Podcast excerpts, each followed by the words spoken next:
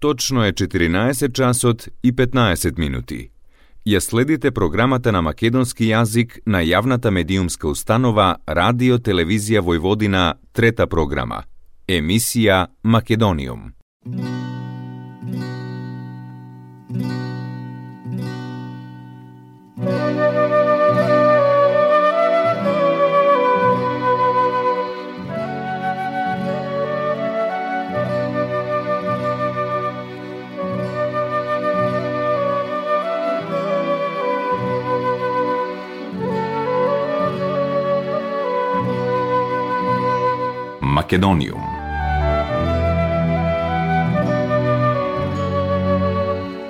Добар ден и добре дојдовте во најновото издание на емисијата Македониум. Македониум, почитувани слушатели, е секоја среда заедно со вас со почеток во 14 часот и 15 минути на фреквенцијата на третата програма на радиото при Радио Нови Сад. Поздрав од вашиот уредник и водител Јулијана Милутиновиќ. Македониум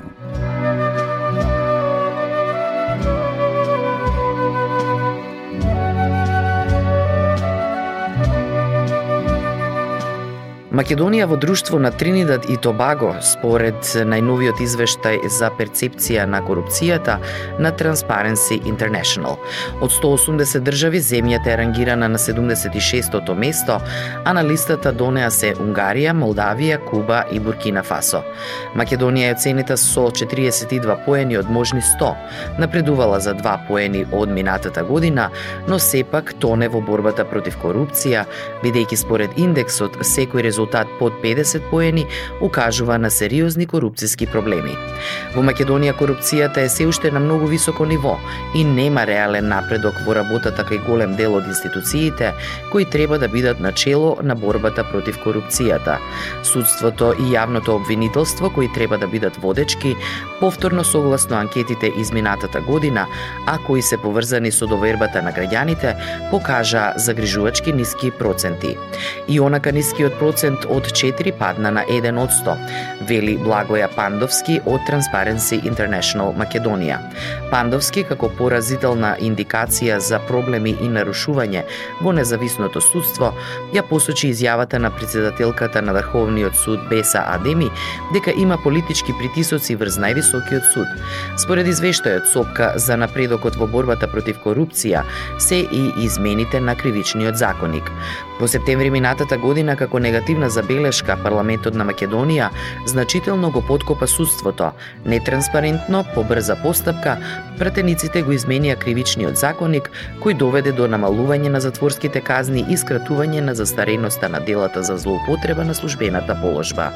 Ова ќе предизвика застарување од околу 200 случаи за висока корупција во кои се многу вклучени поранешни функционери на високо ниво. Од регионот подобро рангирани во борбата против корупцијата од Македонија се Словенија, Хрватска, Грција, Црнагора и Бугарија. Полошо рангирани пак се Косово, Албанија, Србија и Босна и Херцеговина. Данска е на врвот на листата како најнекорумпирана земја, а последна на листата е Јемен. Инаку борбата против корупција и судството се нотираа и во последниот извештај за Македонија на Европската комисија. Потенцирани беа и во заклучоците на Европскиот совет во декември, а стојат и како обврска во планот за раст на Европската унија. Македониум.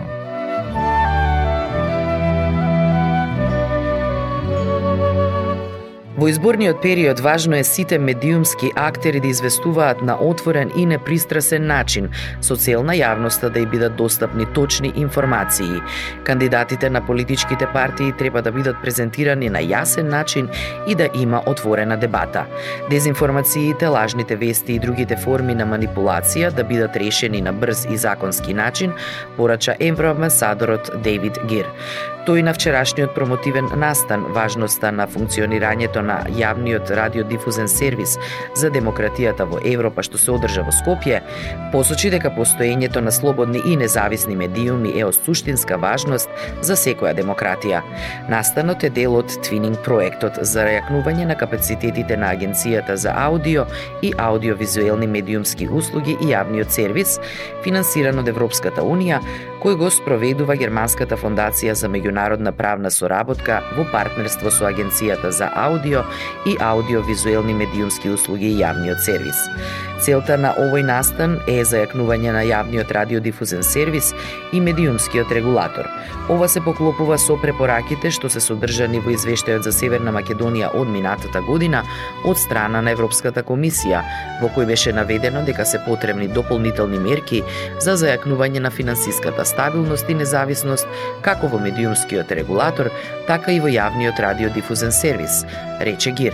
Истовремено, како што посочи, во извештајот се упатуваат и критики за неизвестноста на развојот на овие две институции, како резултат на привремени мерки кои се усвојуваат од година в година, а оваа ситуација продолжува и во 2024 Постоењето на слободни и независни медиуми е од суштинска важност за секоја демократија.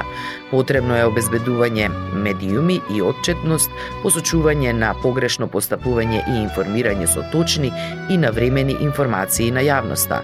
Ово особено важи за јавниот радиодифузен сервис и медиумскиот регулатор, кои постојат во медиумска средина која денес брзо се менува.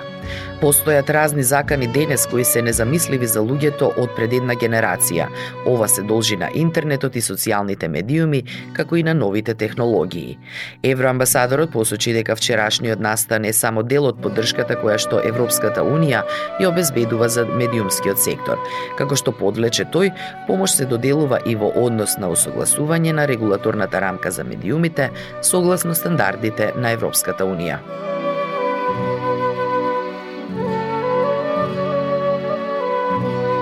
Македониум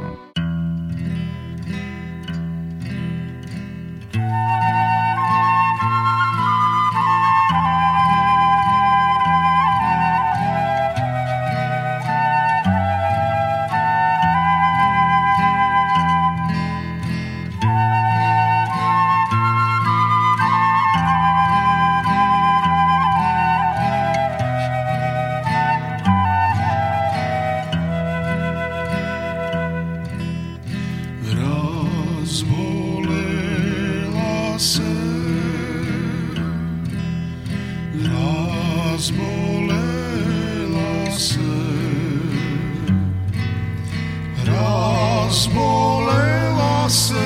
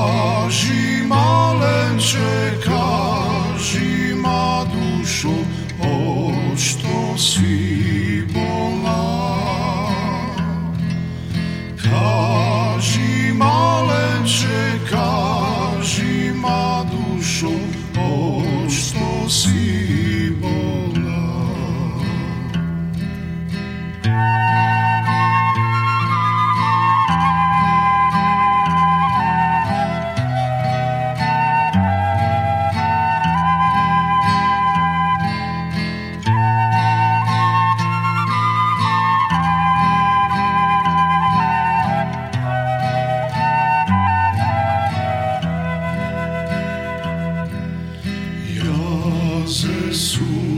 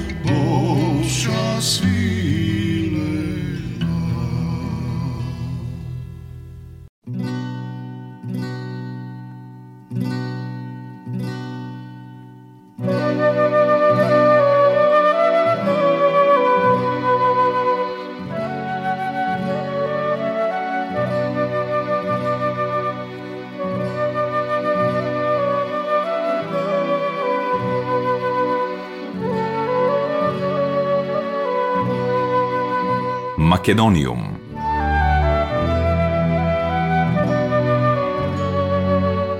Иако сме мала земја, можеме да се пофалиме со извонреден уметнички и креативен потенцијал и со исклучителни автори и уметници врз чиј што опус можеме слободно да кажеме почива арматурата на современата македонска култура.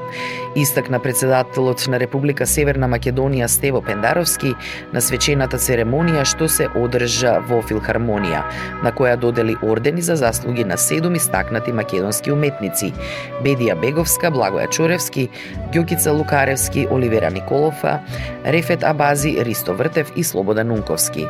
Беговска е одликувана за значајната плодна и интернационална кариера како една од најпознатите театарски и филмски актерки, која со својата театарска прецизност и моќна интерпретација прерасна во една од водечките актерки во Македонија и пошироко.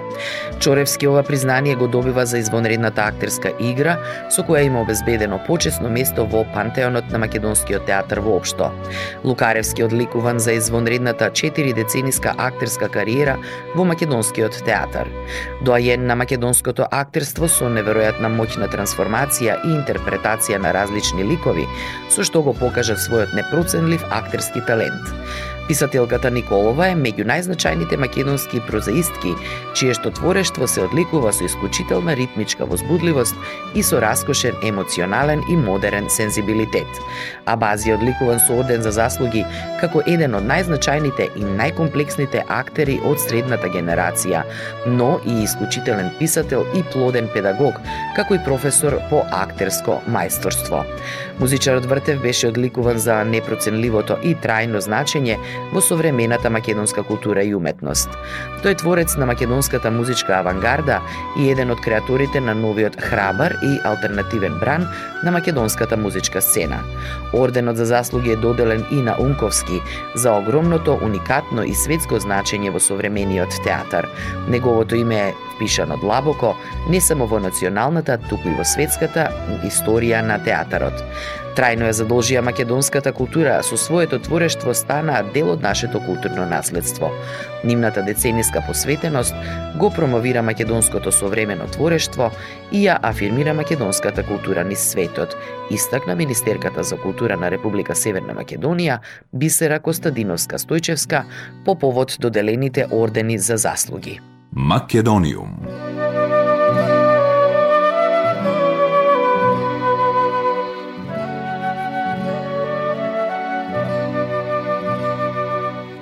Председателот Стево Пендаровски вчера на свечената церемонија што се одржа во Музеот на македонската борба за самостојност ги одликуваше македонистите Златко Крмарич, Зузана Тополинска, Јолко Линсдет, Јежи Русек постхумно, Кшиштоф Вроцлавски постхумно и Далибор Брозовиќ постхумно со медал за заслуги на Република Северна Македонија. Златко Крамарич се одликува за неговиот непроценлив придонес за афирмацијата на македонскиот јазик и на македонската култура, за неговата амбасадорска дејност во поврзувањето на македонските и хрватските научни институции, како и во приближувањето на Република Северна Македонија кон евроатлантските иницијативи. Зузана Тополинска се одликува за непроценливиот придонес за афирмацијата на македонскиот јазик и македонската култура, како една од најактивните македонисти, чии што научни трудови се поттик за голем број домашни и странски научници. Јолко Линстед се одликува за неизмерниот придонес за македонскиот јазик и култура, при што остави траен белек како еден од најстакнатите македонисти во скандинавските земји. Јежи Русек постхумно се се одликува за исклучителниот придонес во развојот и одржувањето на студиите по македонски јазик и литература на Универзитетот во Краков, со што придонесе за афирмација на нашиот јазик. Неговите научни трудови и конференции и денес представуваат поттик за младите генерации на македонисти. Кшиштоф Вроцлавски посхумно се одликува за непроценливите заслуги за македонистиката и за посветеното проучување и истражување на македонскиот фолклор и на македонската народна раскажувачка традиција. Далибор Брозовиќ постхумно се одликува за исклучително значаен придонес во проучувањето и афирмацијата на македонскиот јазик и неговите диалекти, со што ја задолжи македонската култура и македонската лингвистика ревносно промовирајќи ја на меѓународно ниво. Македониум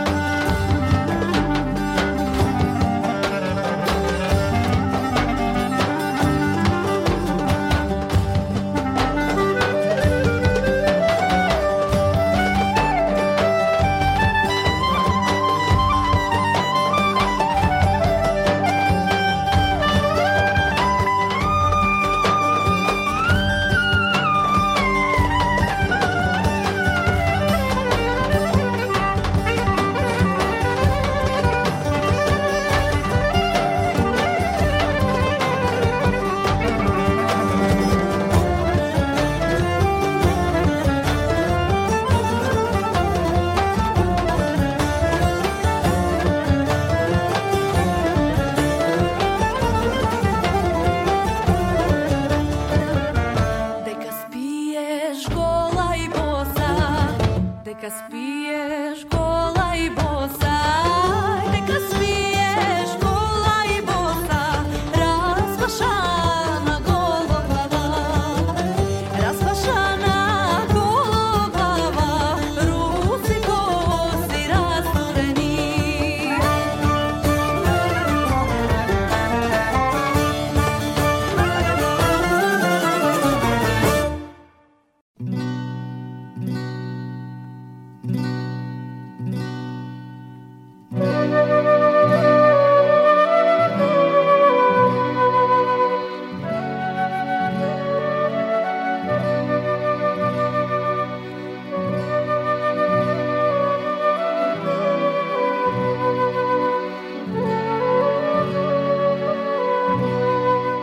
Македонијум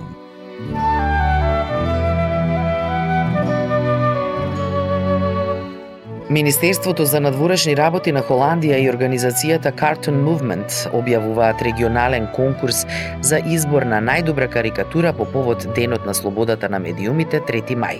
Сите карикатуристи, илустратори и уметници од Западен Балкан, односно Албанија, Босна и Херцеговина, Косово, Северна Македонија, Србија и Црнагора, се повикуваат визуелно да ја представат важноста на слободата на медиумите и вредноста на независното новинарство и своите дела да ги испратат по електронска пошта најдоцна до 1 март оваа година. Стручното жири ќе додели и прва и втора награда за избраните дела, ќе бидат вклучени во изложби што ќе ги организираат амбасадите на Кралството Холандија во земјите од Западен Балкан во текот на април и мај оваа година. Дел од избраните карикатури ќе бидат објавени и на интернет страницата на Cartoon Movement. Слободата на медиумите е од витално значење за функционирањето на една демократија. Одговорното известување и истражувачкото новинарство ги информира граѓаните за случувањата во општеството и во владата, формирајќи ја на тој начин основата за издржана јавна дебата. Доколку оваа слобода не постои, карикатуристите кои ги користат своите дела за да побараат одговорност од оние на власт и за да ја извадат на видели на неправдата, злопотребата на моќ и корупцијата нема да бидат во можност да извршуваат својата работа. Правилата на учество и сите дополнителни информации се наоѓаат на интернет страницата на Cartoon Movement. Македониум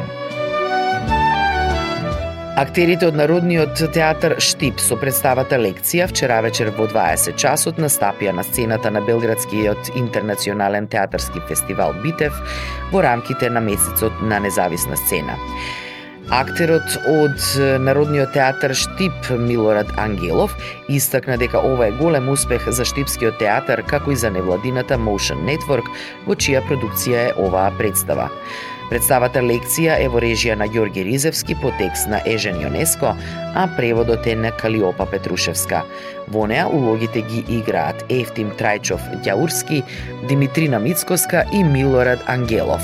Кореограф на представата е Бојан Мицев, музиката е на Антонио Ристевски, а фотографиите на Александар Врзалски. Македониум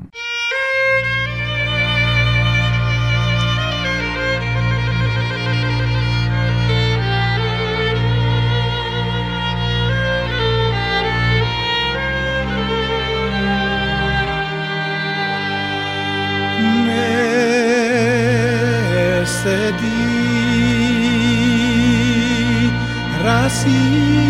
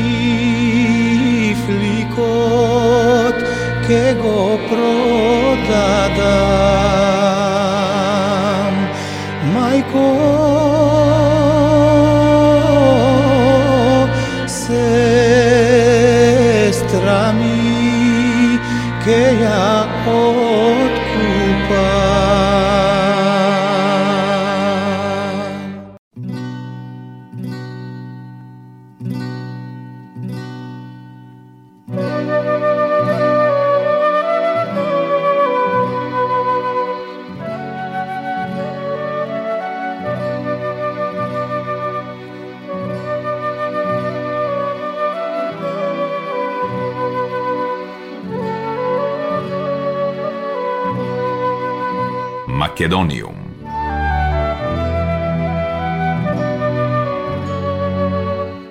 Почитувани слушатели, тоа беше се во денешното издание на емисијата Македониум. До следната среда во исто време, срдечен и голем поздрав од вашиот уредник и водител Јулијана Милутиновиќ. Ја следевте програмата на македонски јазик, емисија Македониум. Главен и одговорен уредник Воин Поповиќ.